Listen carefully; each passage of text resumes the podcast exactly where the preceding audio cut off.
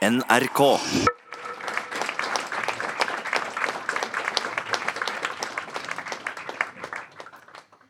Tusen takk.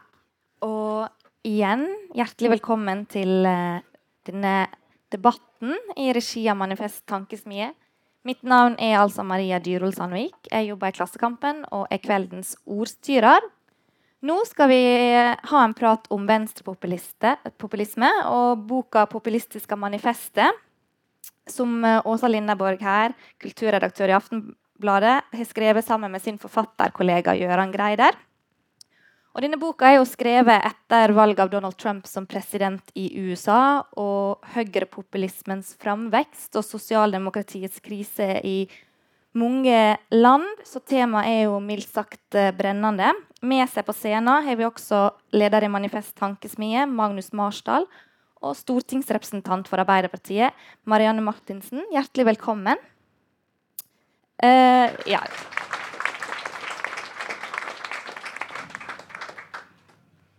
Uh, vi kan begynne igjen, Åsa, med deg uh, for å få en liten oppsummering før vi går løs på samtalen. Hvorfor ville dere skrive denne boka? Um, jag ville skrive denne boken därför att eh, i samband med Brexit og Donald Trumps seger eh, i USA så, så eh, visade elitismen opp seg i, i den mest rena form man kan tenke seg. Alltså, eh, folk, väljarna, eh, förklarades vara dumma i huvudet, eh, helt ointelligenta, de er primitive, de er bakåtsträvare, etc. Eh, etc. Och det fanns ingen journalist som kunne forklare varför populismen växer i alle länder på alle kontinenter samtidig. Eh, och eh, det fanns ingen som ville på något sätt se på den ekonomiske utvecklingen og den socioekonomiska otryggheten som har växt de senaste 30 åren. Och därför skrev vi den här boken. Mm. Um, du snakka om forskjellen på høyre- og venstrepopulisme. Jeg lurer på om du bare fort også kan utdype litt om forskjellen? Alltså, skillnaden är ju att man har olika folk och olika elitbegrepp. Alltså när högerpopulisterna pratar om, om folket då är det ju en etnisk renstam som har att göra med blodet och jorden och historien och traditionen och så. Väldigt konservativt folkbegrepp när vänsterpopulister pratar om folket, då är det ju alla som är förlorare på det här ekonomiska systemet. Det spelar ingen roll hur det ser ut och varifrån du kommer. Det är en helt avgörande skillnad. Det är väldigt inkluderande folkbegrepp. Det är majoriteten av människorna helt enkelt. Eh, och skillnaden med eliten är att när högerpopulister pratar om eliten då är det ju, då PK-människorna, medierna, eh, judarna och sådär. Medan när vänsterpopulister pratar om eliten då är det de som äger, förvaltar och försvarar kapitalet. Eh, så det är skillnad på om man pekar ut mexikanerna som, som, som det, det stora problemet och roten till allt ont eller om det är Wall Street som är roten til alt ondt. Ok, Magnus Marshall, Vi skal se litt større på den bare motsetningen mellom høyre- og venstrepopulisme. fordi når jeg og du snakka på telefon tidligere i dag, så sa du, i alle fall sånn som jeg forsto deg, at uh, alt fokuset på um, frykten for de høyrepopulistiske partiene og deres vekst det bidrar til å fordekke det som er det egentlige problemet, nemlig mange etablerte parti sin lojalitet til markedsliberalismen. Var det rett forstått? Ja, i hvert fall i boka 'Det populistiske manifest', da, som uh, Åsa og Gøran Greder har skrevet, så står det at uh, høyrepopulister utnytter den tomhet og mangel på initiativ som kjennetegner demokratiet slik det fungerer i dag. Og Den tomheten i retorikken og handlingslammelsen i politikken tror jeg mange europeiske befolkninger kjenner igjen. Men det få er klar over, tror jeg, det er i hvilken grad den er et uh, ønska resultat av en villa politikk. Og Dette går helt tilbake til den venstrepopulismen Åsa Lindeborg nevnte fra 1800-tallet. Kampen for stemmeretten, som Norges største venstrepopulist Markus Trane gikk i spissen for rundt 1850. Fordi Den gangen så var den friheten som liberalismen tilkjente vanlige folk, den lavere friheten til å tilpasse deg til å spille de kortene du hadde fått utdelt, som best du kan. Det var det man kalte for frihet. Mens den høyere friheten til å bestemme spillereglene skulle eliten ha for seg selv, altså den politiske, demokratiske friheten og stemmeretten. Da arbeiderbevegelsen vant gjennom med stemmerett for alle, så hadde jo da liberalismen eh, ikke annet valg enn å godta det. Fordi å gå imot allmenn stemmerett etter at den er innført, det er veldig utaktisk. Uh, men det som er interessant, er måten det ble håndtert på på 1900-tallet. uh, og etter hvert med det som du kaller markedsliberalisme. Fordi Mens noen valgte å avskaffe stemmeretten, som Italia og Tyskland i mellomkrigstida, så sa den største frihetsfilosofen til høyresida på 1900-tallet, Friedrich Hayek, at problemet er jo ikke hvem som får delta i det demokratiske styret, men hva demokratiet har rett til å foreta seg. Altså, Hvis bare ikke folk får bruke stemmeretten sin til å påvirke de tingene som er viktige for kapitalistene, så kan de få stemme så mye de bare vil. Og alle de frihandelsavtalene fra 80- og 90-tallet alle, de fleste av EUs mange direktiver lansert under frihetens parole, er bare så mange begrensninger på hva folkestyret har lov til å foreta seg på område etter område som har med økonomi å gjøre. Og Da står man igjen, når man har gifta seg med EUs indre marked i Vest-Europa, med maktesløs og handlingslamma politisk elite i alle spørsmål som vedgår sysselsetting, fordeling osv. i stor grad sammenligna med før. Og nettopp den situasjonen også Lindeborg har beskrevet, at de egentlig kan love så å si ingenting. Og denne avpolitiseringa av økonomien da, av makt over, eh, og kapitalistisk makt åpner dagsorden for politisering av alt annet. Og da Særlig Mohammed og hans skjegg og de verdispørsmål der partier som Frp står nærme en del av arbeiderklassen. Så hvis man fjerner økonomi fra den partipolitiske dagsordenen fordi det er enighet om alt, hilsen EU, så kommer de andre spørsmålene på dagsordenen. Og, og, man har en helt annen grunnlag for høyrepopulistisk eh, mobilisering. Og Derfor så er noe av det jeg får ut av boka til, til også, som jeg tror er viktig for, for mange å, å, legge merke til, også i den liksom, sentrumsliberale delen av, av, politikken, som også er bekymra for fremmedfiendtlige eh, strømninger, det er at den som ikke vil tale om eh, markedsliberalisme, må også tie om høyrepopulisme. Man forstår ikke vendinga mot statens jernkledte neve uten å se på herringene til markedets usynlige hånd. Eh, Marianne Martinsen, du representerer jo Arbeiderpartiet. Hva tenker du når du hører dette? her? Er du enig i at, kan, at, at sosialdemokrater kan ha tapt på at økonomien er tatt vekk fra det politiske matfatet? Nå sitter jo jeg her som representant for, eh, for sosialdemokratiet eh, og sosialdemokratiets høye forsvarer i, denne, i, i dette panelet. Eh, og kjøper jo selvsagt ikke premisset om at økonomien er tatt ut av den politiske eh, menyen.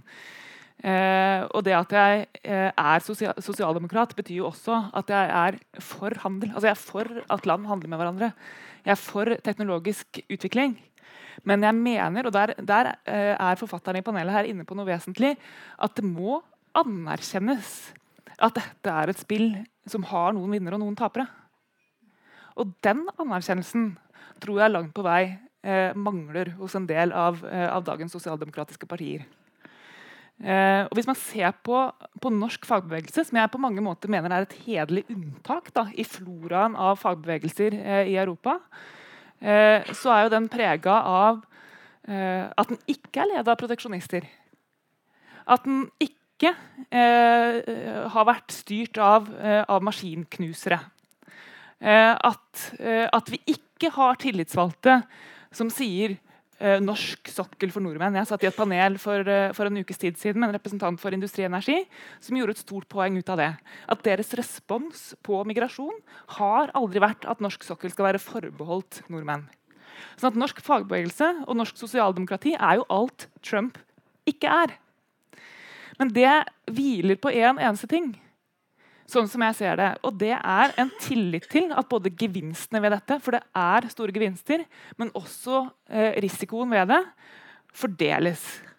Og når den tilliten rakner, og det er det vi har sett i mange land, når den tilliten forvitrer, og med god grunn en god del steder, så forsvinner jo selve fundamentet, grunnlaget for åpenhet, for liberale verdier, eh, for handel. Og det er ikke irrasjonelt. Det er viktig å ha med seg. Det er ikke irrasjonelt. Eh, jeg har sittet og sett den ene rapporten etter den andre om at, eh, om at eh, Storbritannia kommer til å tape på brexit økonomisk. Og Det kan godt hende altså, at det stemmer, at Storbritannia som, som nasjon samla sett, liksom de store tallene, kommer til å tape på dette. Men de enkeltmenneskene som har tapt på handelsprosjektet som, som, e, altså, som enkeltmennesker, for dem er det ikke irrasjonelt den der forklaringen om at, uh, om at folk, her har folk stemt mot sitt eget beste, for de skjønner fader ikke bedre, Det der må vi legge av oss med en eneste gang. For dette er fullstendig rasjonelt for en god del mennesker som ikke har fått tatt del eh, i eh, den produktiviteten som tross alt følger med handel og med eh, teknologi. Eh, så jeg, jeg, jeg, tror ikke på planøkonomi, jeg tror ikke på stengte grenser. Og den der fortellingen om, eh, om sosialdemokrater som den beinharde kapitalismens medløpere med et slags sånn sosialt eh, ansikt, eh, det er jo en veldig velkjent beskrivelse på deler av, eh, av eh, venstresida. Eh, men, men sosialdemokratiet hviler jo på selve ideen om at vi skal sikre noen sterke fellesinstitusjoner. Eh, vi skal sikre en fordeling av gevinsten av alt det vi produserer og alt det vi driver med, mellom de som eier bedriftene og de som jobber i, eh, i dem. Og det har vi i Norge klart veldig lenge. Det har vært utrolig stabilt, den fordelinga gjennom mange tiår. Nå ser vi at det forskyver seg, men det handler først og fremst om hva slags regjering vi har. Eh, og selvfølgelig en maktbalanse mellom arbeidstakere og, eh, og arbeidsgivere. Jeg, jeg eh, tror ikke at sterkest mulig konfrontasjon er løsningen. Jeg, jeg, leser jo det litt ut av den teksten som blir presentert her i dag, at, at høyest mulig grad av konfrontasjon nærmest er ønskelig. Jeg tror det er bra at vi har bedriftsledere i Norge for eksempel, som ser at høy organisasjonsgrad, eh, kollektive oppgjør, er en bra ting for produktiviteten i dette landet. Men vi må ikke miste av syne at politikk ikke er skjønnhetskonkurranse. Det er ikke mest mulig likes på bilder på Facebook av seg selv med hjelm på på bedriftsbesøk. Eh, det er en reell maktkamp som ligger i bånn. Det er en kamp om ressurser, det er en kamp om innflytelse, det er en kamp om makt. Og man representerer noen i det bildet. Og hvis det forsvinner, hvis linken mellom hverdagspolitikken og alt det kommunikasjonsavdelingen og sånn driver med, eh, og den reelle maktkampen som til enhver tid foregår i et samfunn, hvis den blir borte, da tror jeg også at, eh, at eh, de som skal stemme på sosialdemokrater, ser rett igjennom det som foregår. Men man, man ser jo i Norge at organisasjonsgraden f.eks. går ned. Eh, at eh, flere med akademisk utdanning stemmer på Arbeiderpartiet, mens det kanskje blir færre uh, uten som stemmer på Arbeiderpartiet. Altså, hva skal partiet da gjøre for å, for å, å, å unngå det som Åsa Lindeborg sier, at uh, man har glemt arbeiderklassen? Arbeiderklassen er jo ikke glemt. Eh, det, det, er riktig at det er flere med høyere utdanning som stemmer på Arbeiderpartiet enn før. Eh, det, en, det, speiler jo samfunnet på mange måter. det er veldig mange flere som har høyere utdanning. Og det at det foregår en veldig stor velgerutveksling mellom Arbeiderpartiet og Frp, er faktisk en myte. Eh, det har man ikke sett på, på, på lang lang tid. At, at du har hatt store bevegelser mellom de to partiene. De Arbeiderpartiet mista velgere til, hvis vi skal se på valget i høst, da, som et sånt spesifikt tilfelle her, var jo all hovedsak hjemmesittere og Senterpartiet. Eh, og Man kan jo si mye om hva Senterpartiet er og ikke er, men, men høyrepopulister skal vi vel være litt forsiktige med, med, med, å kalle dem. Det jeg tror de, eh, de hadde, som vi ikke hadde, var et ektefølt engasjement som folk trodde på. De, de, klarte å hamre på et budskap som faktisk traff. Ikke ikke fordi at det hadde sittet i en eller annen kommunikasjonsavdeling uh, og, uh, og, kjørt fokusgrupper uh, og fila på et, på et flott slagord, men fordi at de faktisk gjenspeila en, en reell stemning der ute. En følelse av at her tappes min del av landet, min bygd, der hvor jeg bor, for, for innflytelse, for arbeidsplasser, for framtidsmuligheter. Det traff. De som, eh, de som, eh, gjør seg den analysen at Senterpartiet ble store og populære fordi at Trygve, Trygve Magnus ler høyt og mye, de, de, mener jeg tar feil. De traff en nerve i samfunnet eh, som handler om at folk i en god del distriktskommuner i Norge er forbanna på det som foregår. Den nerven traff ikke vi. Og det handler først og fremst om Eh, at, eh, at eh, det engasjementet som, som, Arbeiderpartiet brakte til torgs, som handla om hvordan vi skal løfte folks kompetanse, sette folk i stand til å delta i et arbeidsliv som blir stadig mer digitalisert, som krever stadig mer av folk, som skyver stadig flere folk ut altså Et av de virkelig store problemene i vårt samfunn i dag, det trodde ikke folk helt på. De så ikke engasjementet. Mm. Magnus Marshall? Uh, ja, det er helt riktig som Marianne Martinsen påpeker, at uh, den kraftfulle velgerovergangen mellom Arbeiderpartiet og Fremskrittspartiet det er en myte. Det er et ganske langt steg å gå for uh, mange. Det som derimot er tilfellet, er at begge de partiene som har ganske folkelige velgere, eller mange folkelige velgere, har stor utveksling med sofaen. For det her er folk som ikke er så engasjert i politikk, så det skal litt til for å få dem til å gidde en del av dem. Uh, politikken er ikke noe for dem, for uh, alltid så har politikerne opprettet som om de ikke er noe for oss. for å si det sånn. Så der er det sånn at hvis Arbeiderpartiet har dårlig mobilisering og ikke framstår med kraft, så går veldig mange og setter seg. Og hvis Fremskrittspartiet er veldig tydelig og får skikkelig mobilisering, så kommer mange opp på sofaen. Så det er sånn, kan tenke på sånn Svak og sterk magnet. ikke sant? Og det her er samme gruppa. så Arbeiderklasse og lavere arbeiderklasse og trygda osv. Og, og der er det jo interessant det som eh, Martinsen nevner med konfrontasjon. Er målet å ha sterkest mulig konfrontasjon? Eh, det tror jeg egentlig er en litt feiltolkning av budskapet i boka eh, 'Det populistiske manifest'. Det handler mer om konfrontasjon på hvilke spørsmål, etter hvilke akser. Fordi i det siste valget, der Arbeiderpartiet dessverre gjorde det veldig veldig dårlig, så var jo konfrontasjonen fra partileder Jonas Gahr Støre knallhard og meget tydelig. Han brukte veldig sterke og tydelige ord om at Fremskrittspartiet skaper et kaldere samfunn, og særlig Sylvi Listhaug. Så det mangla ikke på konfrontasjon, men på hvilke saker. Da han diskuterte med statsminister Solberg, så hadde han ca. samme politikk som hun på velferdsprofitører. så det kunne Han ikke angripe Høyre på. Han hadde ca. samme politikk som, på, som hun på løsarbeidsbransjen eller løsarbeidsbyråene, bemanningsbransjen. Så han kunne ikke angripe på det som også er viktig for veldig mange i LO. ikke sant? Så i mangel av konfrontasjon på interessepolitikken så ble det å angripe Solberg i Listhaug-politikken.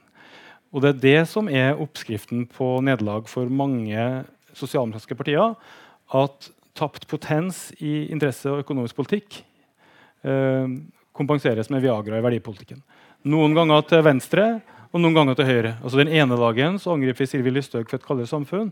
Den andre dagen skal Martin Kolberg uh, utslette radikal islam.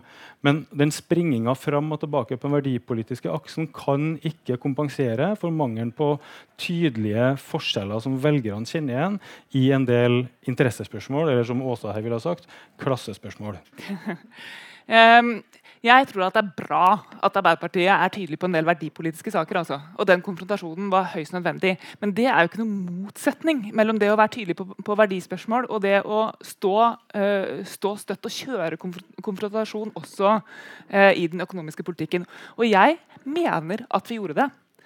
Uh, om det så var, var skattepolitikken Eh, det å få folk til å organisere seg, fagforeningsfradrag, det å, det å eh, få mye sterkere motivasjon for at vi skal holde organisasjonsgraden i samfunnet oppe, om det var sykehusbudsjetter eller privatskoler eller ordne opp i bemanningsbransjen eller integrering. Alt det handla om ulikhet, og det handla om, eh, om, økonomisk politikk. Eh, men, eh, men på en del områder så tror jeg at, uh, at uh, vi i framtida kommer til å, til å, måtte komme opp med en del tydeligere svar. Bemanningsbransjen er et godt eksempel på det. Ja, den var høyt oppe. Ja, vi kjørte konfrontasjon.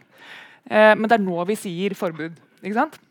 og når du først nevner, nevner EØS, så, så, er jo det også en interessant diskusjon om, om, det virkelig er sånn. Jeg er mot norsk EU-medlemskap, sånn men om det virkelig er sånn at, at det er Eh, all ondskapen som kommer fra Brussel, som gjør at, eh, at, norsk politisk debatt blir handlingslamma. Vi har full mulighet til å si forbud eh, mot, eh, mot, innleie i, i bransjer som, eh, som, er, som, er, utsatt av hensyn til et velfungerende arbeidsliv. Det kan vi velge å gjøre. Nå sier vi at vi skal det. Og jeg mener at den type tydelighet på en del sånn helt avgjørende spørsmål som dreier seg om økonomi og arbeidsliv, det trenger vi at Arbeiderpartiet hever fanen på. Åsa Lenneborg. Eh, jag är inte riktigt säker, jag förstod det här med att du inte tror på konfrontation. Men, men om du tror på höger-vänster-politik, att det finns en höger-vänster-skala, då finns det en konflikt där som är helt naturlig. Eh, om man då tittar på Sverige som går, som är inne i en valrörelse nu, så säger eh, Stefan Löfven, som är Socialdemokraternas partiledare, det är, en, det, människa som jag själv tycker om. Det är en hederlig man, verkligen en genuin människa. Men han, han säger Socialdemokraterna är det enda mittenpartiet, säger han. Det är det enda mittenpartiet. Och då, då finns helt enkelt inte den här höger-vänster-dimensionen. När man till exempel pratar om vården, som är den viktigaste valfrågan i Sverige, det är vården. Högern säger att, att vården går under därför att invandrarna eh, tar alla resurser från vården. Eh, det, det vänster, vänstersvaret är ju att vi har såna stora vårdprofitörer som gör såna enorma jävla vinster på det här. Ursäkta att jag svär eh, i radio. Eh, där finns alltså en höger-vänster-konflikt i det här som man måste ta. Och i Sverige nu så är vi i det här läget att fackföreningsrörelsen måste försvara eh, lönenivåerna därför att näringslivet går in med full kraft och säger att vi måste sänka ingångslönerna för nyanlända. Och alltså nyanländ är man i åtta år. Och när man sänker lönerna för dem så blir det en nedåtgående spiral för hela arbetarklassen. Och här står svensk fackföreningsrörelse ensam. Därför att regeringspartiet inte säger någonting. Därför att de är det enda mittenpartiet. För att de tänker att de ska bilda regering med, med eh, de mindre borgerliga partierna efter, efter höstens val. Så blir de bakbundna och vågar inte ha den här konfrontationen eller konflikten som är helt nødvendig. Mm. En kort kommentar. Eh, konfrontasjon langs høyre-venstre-aksen, ja. Eh, og, og, tydelighet i den politiske debatten, ja. Tydelighet rundt de politiske alternativene, ja. For vi ønsker forskjellige ting. Det er en grunn til at vi er partier på hver vår, eh, på hver vår side av den politiske streken. Hvis vi snakker om forholdet mellom Arbeiderpartiet og Høyre, eh, som ses på som styringspartiene på hver, sin, på hver sin side. Men om svaret skal være et høyt konfrontasjonsnivå i samfunnet som sådan, eh, så blir jeg mer skeptisk. Ja, det, det, er ingen som forespråker det. Nei, fordi jeg, fordi jeg, er for at vi skal prøve å hegne om den samfunnsmodellen vi har, eh, hvor LO-lederen og NHO-lederen kan sette seg ned og snakke sammen, eh, komme fram til en felles virkelighetsforståelse eh, og bli, bli, enige om noen sentrale, eh, helt sentrale eh, temaer i vårt samfunn. Eh, at vi klarer å ha, ha, lønnsoppgjør som ikke ender i full konfrontasjon hvert eneste år. En veldig veldig styrke for for vårt samfunn. Og jeg mener også at det har vært, eh, vært en, eh, en, forutsetning for at vi har kunnet ha den reallønnsutviklinga og den velferdsveksten eh, som jo norsk arbeiderklasse har hatt gjennom mange tiår. NRK P2 sender aktuelle debatter fra ulike scener i landet. Du hører Debatt i P2. Ok, vi skal uh, litt utenlands. Vi skal snakke litt om den politiske uh, energien som uh, det populistiske manifestet etterlyser. I går så kom jeg sammen med noen kollegaer hjem fra byen Boston i England. Det er en liten by nord for London. Der arbeidsinnvandringen er stor og lønningene er lave, og over 70% av innbyggerne stemte for brexit. Uh, og vi møtte den lokale Labour-lederen der, som fortalte at uh, lokallaget hans lå brakk uh, og har fått en oppsving etter at Jeremy Corbyn ble valgt som leder for Labour. Um, og hva er det ved han som gjør at dere velger å, å definere han som en venstrepopulist i boken deres, Åsa Lindeborg? Jeg syns egentlig ikke at han er det. Alltså det er jo en politiker som har en vel utbygd politikk, som vilar på en ideologisk grunn som han, han fick eh, på 60-tallet. Altså, han er jo ikke en populist i den meningen som, som etablissemanget prater om populister, altså at det er enkla løsninger og noe sånt der. Men eftersom han stämplas som vänsterpopulist så säger vi okej, okay, fine, då är han väl det då. Eh, och det som gör att, att han är så framgångsrik det är ju dels att han, att han eh, till skillnad mot Tony Blair försöker bryta med thatcherismen. Eh, han tänker utanför de här ekonomiska ramarna. Han har ett, ett, ett, konkret reformpolitik där han får med sig både studentrörelsen, pensionärerna och, och stora delar av fackföreningsrörelsen. En organisatorisk eh, rörelse också. Det är ganska viktigt att det finns en organisatorisk bas. Och de, de intressanta vänster vänsterprojekten nu, det är ju de som, som utgår från redan befintliga etablerade socialdemokratiska partier. Eh, om, om vi kan prata om Demokraterna i USA som socialdemokratiskt, men ja. Bernie Sanders och, och, Jeremy Corbyn har en organisatorisk grund som är, som är intressant. Eh, men visst är, det, visst är det problematiskt att kalla honom vänster, vänsterpopulist, det tycker jag också. Det är bara att vi försöker vrida det här begreppet från liberal, liberal etablissemanget. Liksom. Magnus Marsdal? Jeg syns også framgangen til Jeremy Corbyn, som er den største i noe valg siden utgangen av andre verdenskrig da, for Labour i Storbritannia, er veldig interessant. Også fordi den kommer jo da spesielt etter den brexit-avstemninga. Så det å være sånn fri fra EU-politikkens lenker i framtida. Det er tydeligvis befordrende på både Labour-ledelsens og også velgernes eh, optimisme på vegne av, av eh, demokrati og politikk. Da. Det, som, som eh, Åsa Lindborg etterlyser, at man må jo gå til valg på noe lovende og, og tro på framtida. Og det skriver også forfatterne av det populistiske manifest om at uh, høyrepopulistene i noen grad har gjort. altså Ved å være så stor i kjeften, som det heter på trøndersk, og si vi skal kaste ut de folkene der, eller vi skal fjerne de bomstasjonene der, eller love en masse ting som de kan bryte etterpå, så har de i hvert fall gjeninnført ideen om staten som aktør og politikken som en kraft. Og det er en meget interessant parallell til, til 30-tallet og det forrige sammenbruddet for markedsliberalismen etter krakket i 1929. For den gangen var det en veldig parallell situasjon til det EU har i dag. Politiske eliter som sto knallhardt fast på jeg kaller det markedsliberal politikk. da, At staten ikke skulle blande seg inn i markedet osv. Det fascistene og kommunistene hadde til felles med Johan Nygaardsvold og Franklin D. Roosevelt, det var at de gjeninnførte politikken som kraft. Altså at staten, fellesskapet, politikken må på en eller annen måte eh, nedkjempe et dysfunksjonell markedsmakt. Det gjorde Hitler, det gjorde Stalin, det gjorde Roosevelt, det gjorde Johan Nygaardsvold, som innleda storhetstida til Arbeiderpartiet. Og det er litt der du står i dag, at du har en dysfunksjonell markedsliberalisme som så til de grader har gått ut på dato i de fleste europeiske land og USA pga. det som skjer med sysselsetting, fallende vekst, eh, økende ulikhet, alt det her. Og så, når et sånt paradigme bryter sammen, så blir det ofte trangt ved utgangen. Altså det blir en kamp om hvem som definerer veien ut av noe som ikke lenger fungerer. Og Der ser vi dessverre i veldig mange europeiske land at de sosialdemokratiske toppene velger når det blir satt på spissen, å gå ned med EU-flagget til topps. Og da bryter fram nye og mer og mindre bisarre partier. Men, men, i Labour så har det nå skjedd noe veldig annerledes. som er ganske, ganske spennende. At de ikke går ned med EU-flagget til topps. Og det er jo nesten ikke takket være seg sjøl engang. Men de slipper altså det. Uh, så det er jo en fiffig liten ironi. Veldig kjapt, så skal vi gå videre. Ja.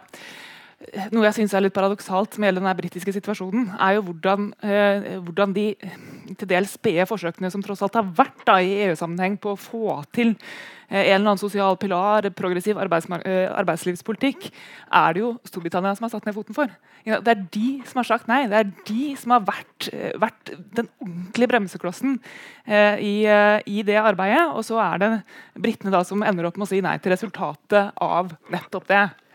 Eh, og er det noe britene eh, trenger, så er, jo, eh, så er, det jo, et slags håp om at det fins rom for politikk.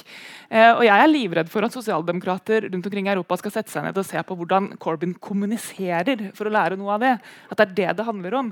Det er det genuine. Det er viljen til å faktisk drive politikk, til å faktisk bryte med noen ting. Eh, og, eh, og, til å sette noe på spill som jeg tror har appellert. Og det er jo ikke først og fremst sånn sinte hvite menn som har stemt på Corbyn, det er jo ungdom. Eh, vi skal videre. Uh, og For å oppsummere så er dagens tema venstrepopulisme uh, og hvordan den kan se ut. Og Hittil så har vi snakka om sosialdemokratiet i krise.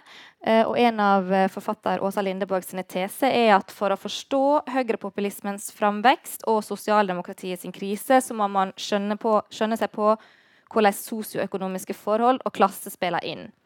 en annen tese er at venstresida må ta innvandringsspørsmålet og spørsmålet om mangkultur mer på alvor. Eh, og det skal vi snakke litt om nå.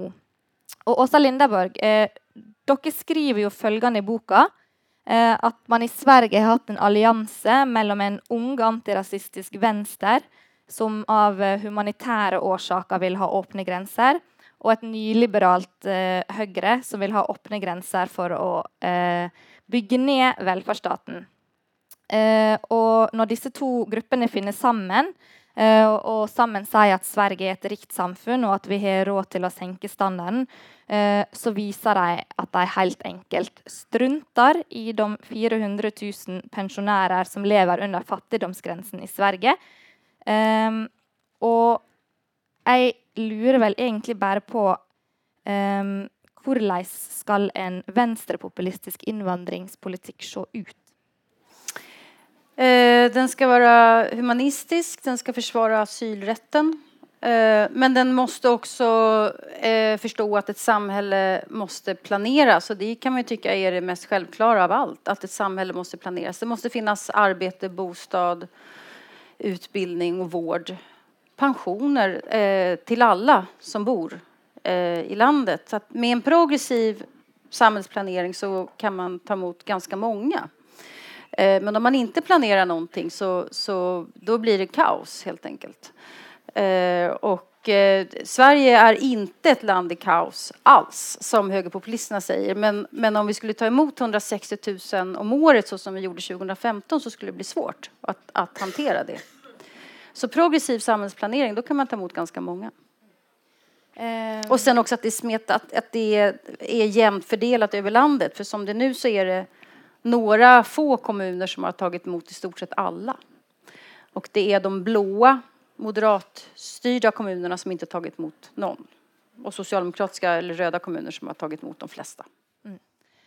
Um, og jeg vil også grave litt mer i det her som dere skriver om at man må kunne snakke om sånne ting som hederskultur, f.eks., og ikke bare overlate det til, eh, til uh, høyrepopulistene. Men et sånt emne som allerede er så farga av uh, å på en måte være uh, altså, Som er så prega av høyrepopulistisk retorikk. Altså, hvordan, skal, hvordan mener du venstresida best kan gå inn i disse spørsmåla uten å gjøre det på høyrepopulistene sine premisser? Ja, men altså, eh, mångkulturen så som vi prater om den i Sverige, så prater vi om den på et veldig eh, förenklat och slappt sätt. Alltså mångkulturen så som den är i Sverige, den, den understryker skillnaderna mellan människor. Kurder är så där, somalier är så här eh, och vi är så här. Eh, fast det får vi inte säga.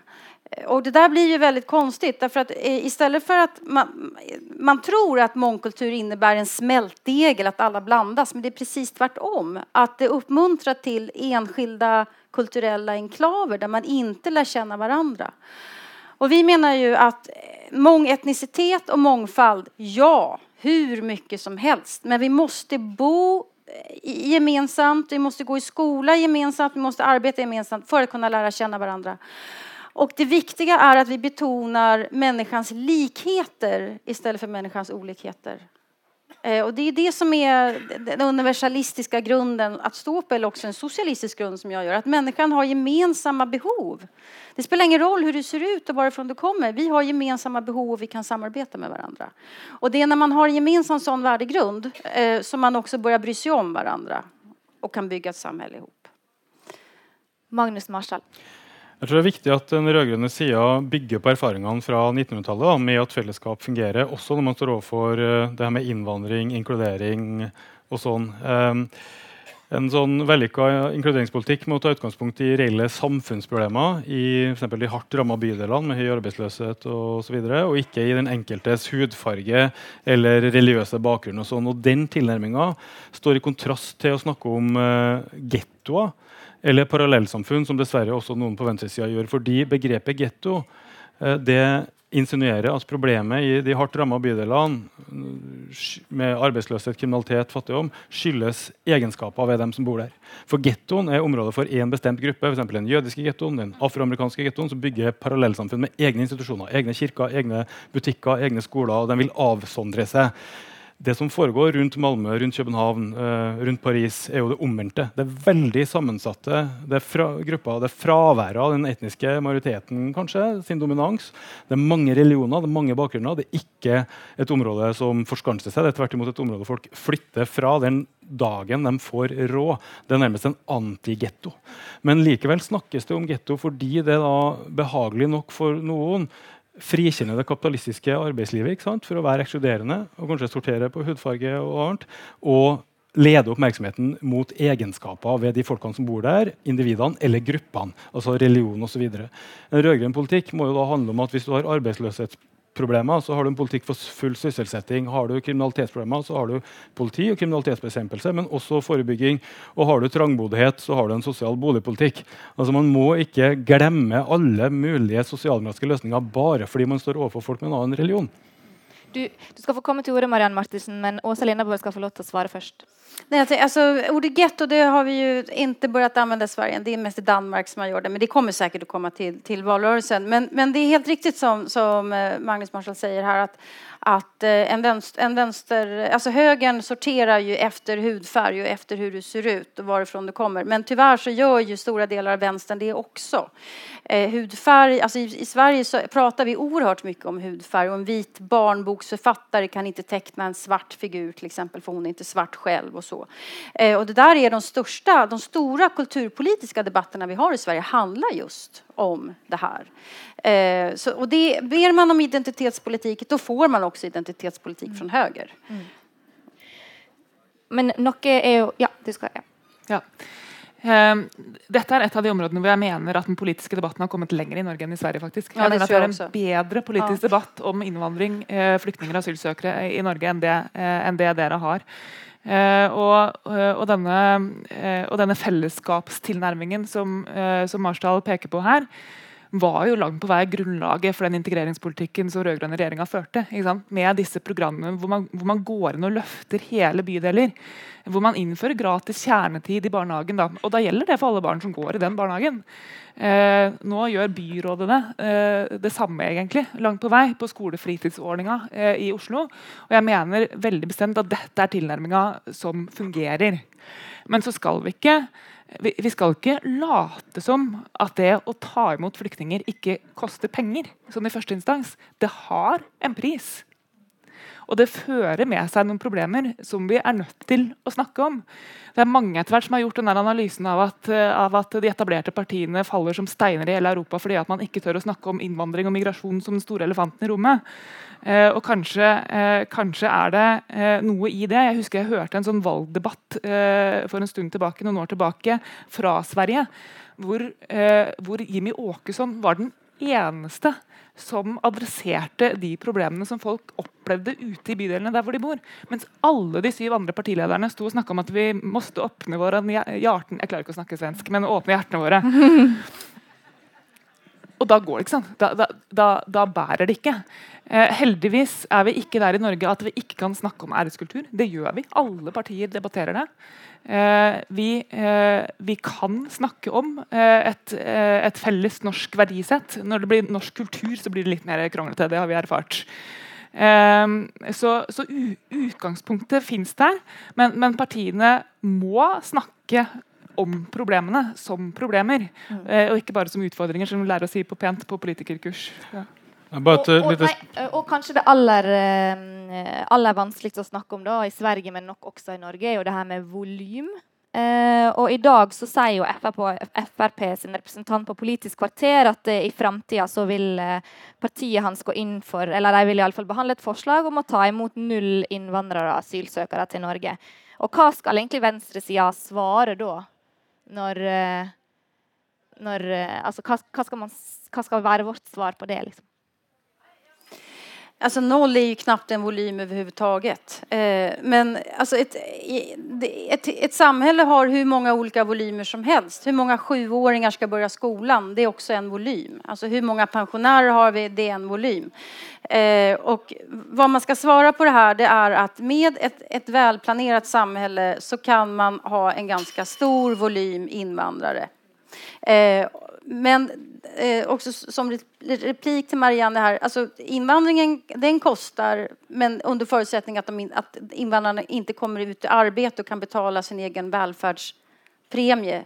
Eh, annars är det inga problem. Om alla arbetar och kan betala skatt och sen så betala upp till sin egen sjukvård och pension och skola, försvar och alltihopa det där så, så då, då det inga problem med invandring. Allting handlar ju om vilken grad av välfärdsnivåer man vill ha, om man vill försvara den generella välfärden eller inte. Och det är där vi är i Sverige nu, att, att Liberalerna eh, eh, börjar diskutera förslag om att välfärden inte ska vara generell, utan att eh, ju längre du har bott här, desto högre grad av välfärd ska du få. Eh, och då, det är ju, det är ju be om ett inbördeskrig i stort sett och ställa grupper mot mot varandra. Eh, så att ingen har ju riktigt några bra lösningar på, på stora volymer. Men noll volym var inte mycket att skryta med, det kan jag inte säga. Marianne Martinsen. Eh, jeg mener det er helt uaktuelt som sosialdemokratisk parti eh, å si at Norge ikke skal være med å ta ansvar. Det å definere ett volum syns jeg blir veldig rart. Eh, fordi, fordi, behovet eh, for å gi mennesker beskyttelse vil jo variere. Det handler jo om hvordan verden ser ut der ute. Jo, Den har vært veldig, veldig, veldig høyt i, over en periode på flere år. Eh, og kanskje vil det fortsette å være sånn over lang tid. Eh, men det, det, å sette et tak og si at, eh, at, asylretten gjelder ikke for de som måtte klare å karre seg til landet etter at eh, dette taket er nådd, det har jeg ingen som helst tro på. Og jeg synes også at det er, det, det er vanskelig å få tak på hva, hva, dere i boka egentlig mener med progressiv samfunnsplanlegging. Altså, hva, hva, hva ligger i det begrepet? Hva, er det her som skal, som skal løse utfordringen eh, med å håndtere mange de årene det er behov for at man tar mange? Eh, jeg eh, tror at vi, eh, at vi eh, må ta diskusjoner om hvordan flyktningene skal fordeles i Europa. Dette er jo en svær diskusjon som, som Eh, krever at Norge også står opp og tar ansvar og er villig til å ta en andel av dette. Og så er det balansen mellom det å ta imot asylsøkere og det å ta kvoteflyktninger, som jo er de aller aller svakeste, og som hentes rett ut av, av flyktningleirene. Dette er jo ting som vi baler med i Arbeiderpartiet nå har eget utvalg på. og alt mulig, eh, men, eh, men svaret kan aldri bli at Norge ikke skal være med på å ta det ansvaret. NRK P2 sender aktuelle debatter fra ulike scener i landet. Du hører Debatt i P2. Åsa Lindaborg. Ja, alltså, det her er jo alle humanisters store smertepunkt. smärtpunkt. Alltså för någon, någonstans finns det ändå ett tak for hvor mye en enskild nasjonalstat kan ta inn, og det er jo det som gjør så vondt. Eh, men, men Marianne, når du sier at, at den som har asylskäl har rätt att stanna då kan du räkna med 60 miljoner människor i Norge för det är så många som just nu har asylskäl om man räknar ut det. Och det är omöjligt då, då blir det ändå en volym. Eh, och det är det här som är den stora tragedin för den som är humanist. Det, det här är, det, det, finns ingen beredskap för alla de människor som faktiskt behöver ha ett annat liv. Jag har inga lösningar på det här. Jag har inte det. Men det är klart att, att Europa måste dela på bördan. Alltså om vi, om vi, om, med progressiv eh, samhällsplanering, är till exempel att man har en helt annan bostadspolitik än vi har nu. Eh, det är progressivt. Eh, då skulle ju, alltså, jag hävdar att Europa skulle kunna enkelt ta emot tre miljoner om året i Europa om man delar ut, om man smetar ut det och om man planerar för det. Men det måste, alltså med den här nyliberala ekonomin som vi har så går det inte. Då är det marknaden som bestämmer alltihopa. Och, och det, det, det blir eh, det blir ikke bra, helt enkelt. Magnus Marsdal først, og så Marianne Martensen. Ja, I boka 'Det populistiske manifest' så skilles det mellom høyre- og venstrepopulisme, der høyrepopulismen ifølge forfatterne uh, har et tredelt verdensbilde. og Du har folket mot eliten, og så har du en tredje sånn utgruppe, så uh, syndebukker, uh, flyktninger og innvandrere f.eks. Mens venstrepopulismen mobiliserer på en inkluderende måte folket mot eliten. Og Hvis man skal tro virkelighetsbeskrivelsen i boka, så er den eneste framveien for, for venstresida at det uh, etableres én eller for venstrepopulisme i betydning av en mobiliseringskraft som klarer å stille opp tydelige konflikter mot en mektig elite og få eh, mobilisering i brede lag for forandring og forbedring. Og Det tror jeg egentlig er litt svaret på spørsmålet når det gjelder Fremskrittspartiet sin provokasjon her. Det eneste måten å unngå at de styrer dagsorden med sine provokasjoner, er å styre dagsorden selv med andre politiske forslag som rocker Bula, som det heter i, i Oslo. Altså Hvis man ikke klarer å konfrontere tydelig på økonomiske og klassespørsmål i en situasjon der ulikheten er rekordhøy og i 40 år har vært mye større enn folk flest vil, et stort flertall, eh, osv., ja, da har man ikke, også ikke det som trengs. Så man må sette sin egen progressive dagsorden, tror jeg. Og Eleanor Roosevelt hun sa en sånn ting som jeg tror er en sånn ledestjerne fortsatt i dag. altså at de lyktes aldri i USA, men vi lyktes mye bedre her under uh, Gerhardsen og, og sosialdemokratiet. Det var at vi må lykkes med en levestandard for alle innbyggere som tillater dem å virkelig håpe på justice for all, rettferdighet for alle, i stedet for å skjule et lønnlig håp om privilegier fordi de aldri kan tro på rettferdighet. Og Sånn er det her også. Hvis krybba er tom, så bites hestene. Hvis folk føler at det er et nullsumspill, at de aldri kan kjempe for sin gruppe, sin klasse, forbedring for sine barn, og at det bare blir en sånn uh, Hvem skal ut? så har Frp gode dager med sin fremmedfiendtlighet. For da er det altså innvandrerne som skal ut.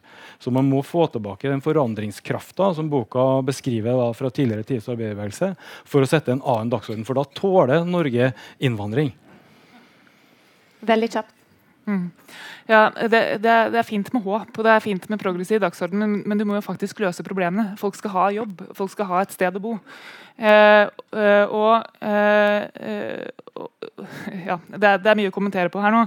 Men, eh, men, det at vi får en situasjon med 60 millioner asylsøkere på den norske grensa, det kommer ikke til å skje. Det kommer ikke til å være 60 millioner mennesker som makter å ta seg til dette landet pga. alle hindringene som vi har lagt eh, opp gjennom hele Europa. så spørsmålet er jo er jo hvem er det vi skal hjelpe? Er det de menneskene som vi henter ut av flyktningleirer? Eh, er det de menneskene som har klart å ta seg til den norske grensa? Hvordan skal dette fordeles? Og hvordan skal vi praktisk klare å håndtere de menneskene som kommer hit? Jeg tror ikke at det nytter med, med uh, taler om håp eh, hvis man ikke eh, har, har, praktisk politikk som, som, som bærer. Og så er det ikke sånn at det er at det er markedet som styrer alt dette, og at det er det som er problemet. Det er politisk styring på bosettingspolitikken i Norge. Det er, ikke, det, er ikke, der problemet ligger. Eh, eh, og, det er, og, det er, heller ikke sånn at man bare kan si at vi må planlegge dette bedre, for de jobbene må jo eksistere. Eh, det, det, å, det, å, kreve at man skal, skal, fordele bedre eller sette en mer progressiv dagsorden, må faktisk følges av Eh, av noe som fungerer på bakken. Og Det er det, det, jeg savner litt i denne diskusjonen fra flere hold. egentlig. Åsa Lindaborg? Jeg, jeg tykte først du sa imot det litt selv her. Eh, at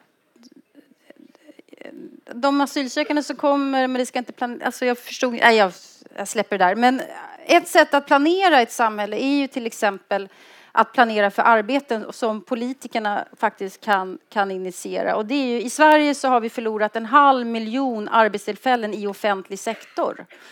Det är någonting som man kan, kan åtgärda med politiska medel och det kan planeras.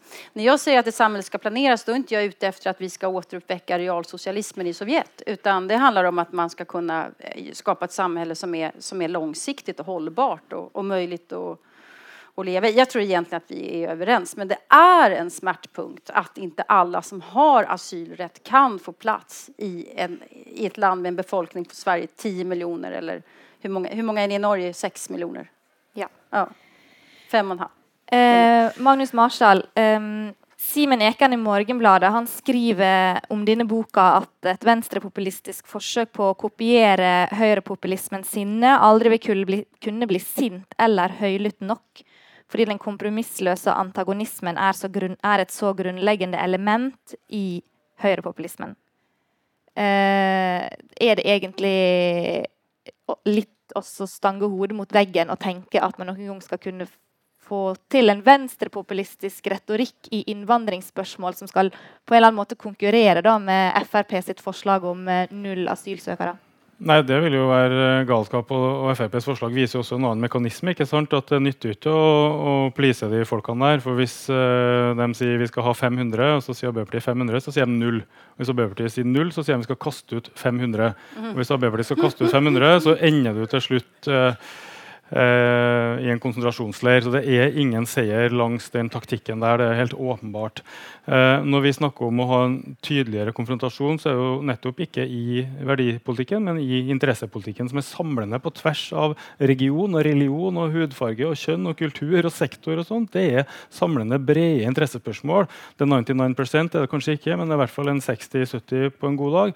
Og da er jeg veldig enig med det Marianne Martinsen påpeker, at det nytter ikke å ha slagord for det her. Man må ha løsninger og sysselsetting og aktiv næringspolitikk. Man må sørge for å styre den vannkrafta helt sjøl uh, og, og, bruke den til sysselsetting i Norge. Ikke krafteksport som ikke genererer uh, verdiskaping og arbeidsplasser. Man må styre Statoil og, og oljebransjen sine installasjoner skal bygges av norsk kompetanse og norske verft oppover kysten, ikke nødvendigvis i Sør-Korea i tråd med frihandelsregler. Eller man bør kanskje bruke norske entreprenørselskap til å bygge veier, ikke EØS-anbydere som går konk midt i prosessen. Altså, det er mange områder der man kan føre en annen nærings- og, og, og industripolitikk enn den som EUs lavterskel frimarkedspolitikk eh, legger opp til. Og der det er masse handlekraft å gjenvinne, men enda mer i det med arbeidstida. Altså, Kvinnfolkene har kommet ut i arbeid en masse siden 70-tallet. Og Norge har glemt å justere arbeidstida. Hvorfor deler vi ikke på jobbene når vi har sviktende sysselsetting blant unge menn som falt med 11% på ti år?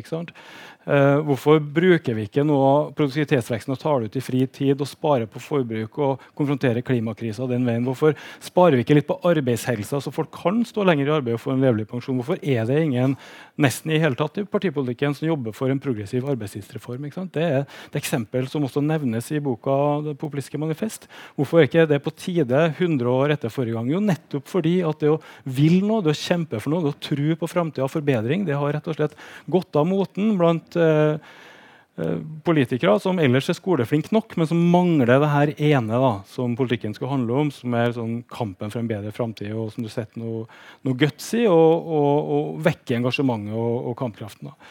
Eh, og det er ganske konkret, også en arbeidstidsreform. Det er ikke abstrakt.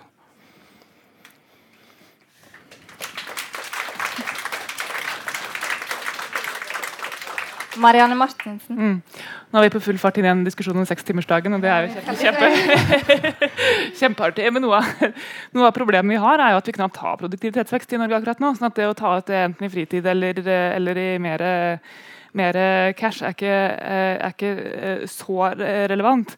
Eh, og så, og så syns jeg at det blir forenkla tanken om at hvis, hvis, noen bare jobber litt mindre, så kan andre jobbe litt mer. Eller hvis man tar én ut, så kan en annen komme inn og gjøre den samme, eh, samme type jobb.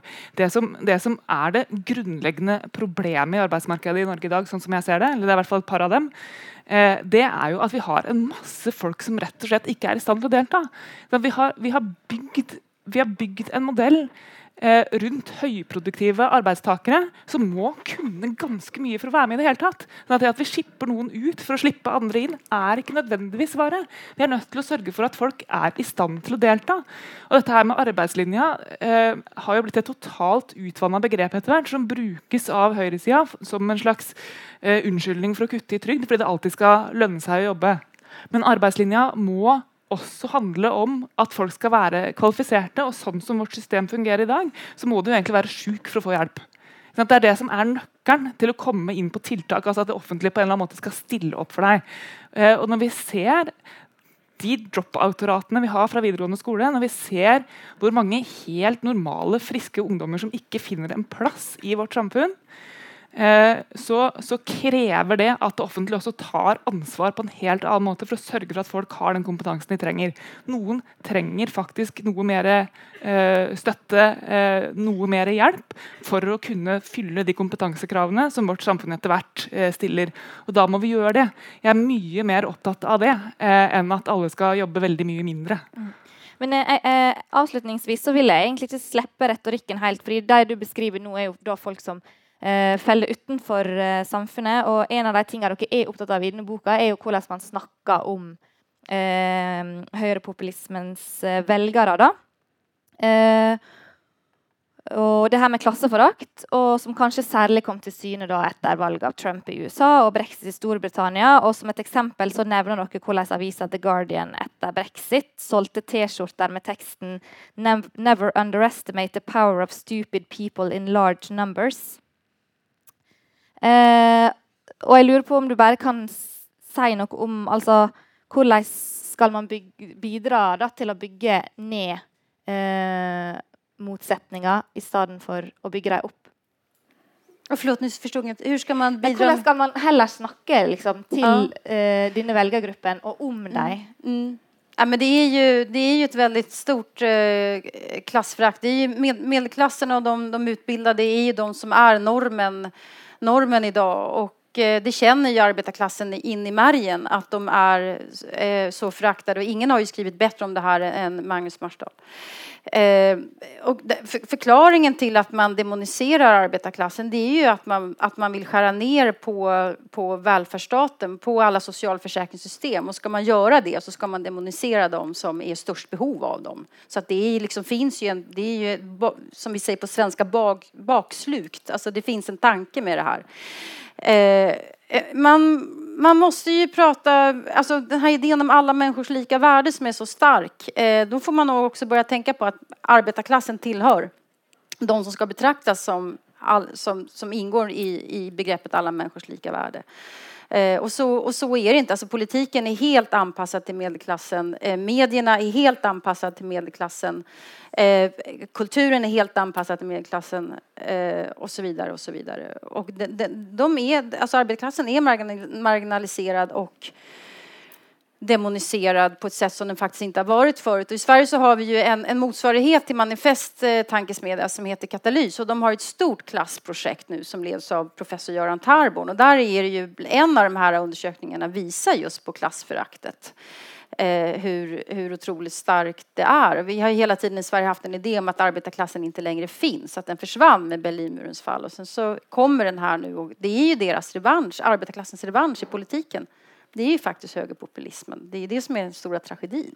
Ok, Det ble eh, siste kommentar. Vi er straks ferdig herfra. I kveld har vi altså snakka om hvordan eh, venstresida skal møte høyrepopulismen, og hva som kan være innholdet i en venstrepopulistisk strategi. Eh, og Oppsummert så kanskje vi kan si at organisasjonsgraden i alle tilfeller må opp. Klasseforakten må bekjempes, og politikken må få tilbake trua på framtida. Eh, tusen takk til kveldens panel, kulturredaktør i Aftonbladet og forfatter av det nye populistiske manifestet Åsa Lindaborg, leder i Manifest Tankesmie Magnus Marsdal og stortingsrepresentant for Arbeiderpartiet Marianne Martinsen. Mitt navn er Maria Dyrol Sandvik, og jeg ber dere om å gi eh, panelet en eh, stor applaus.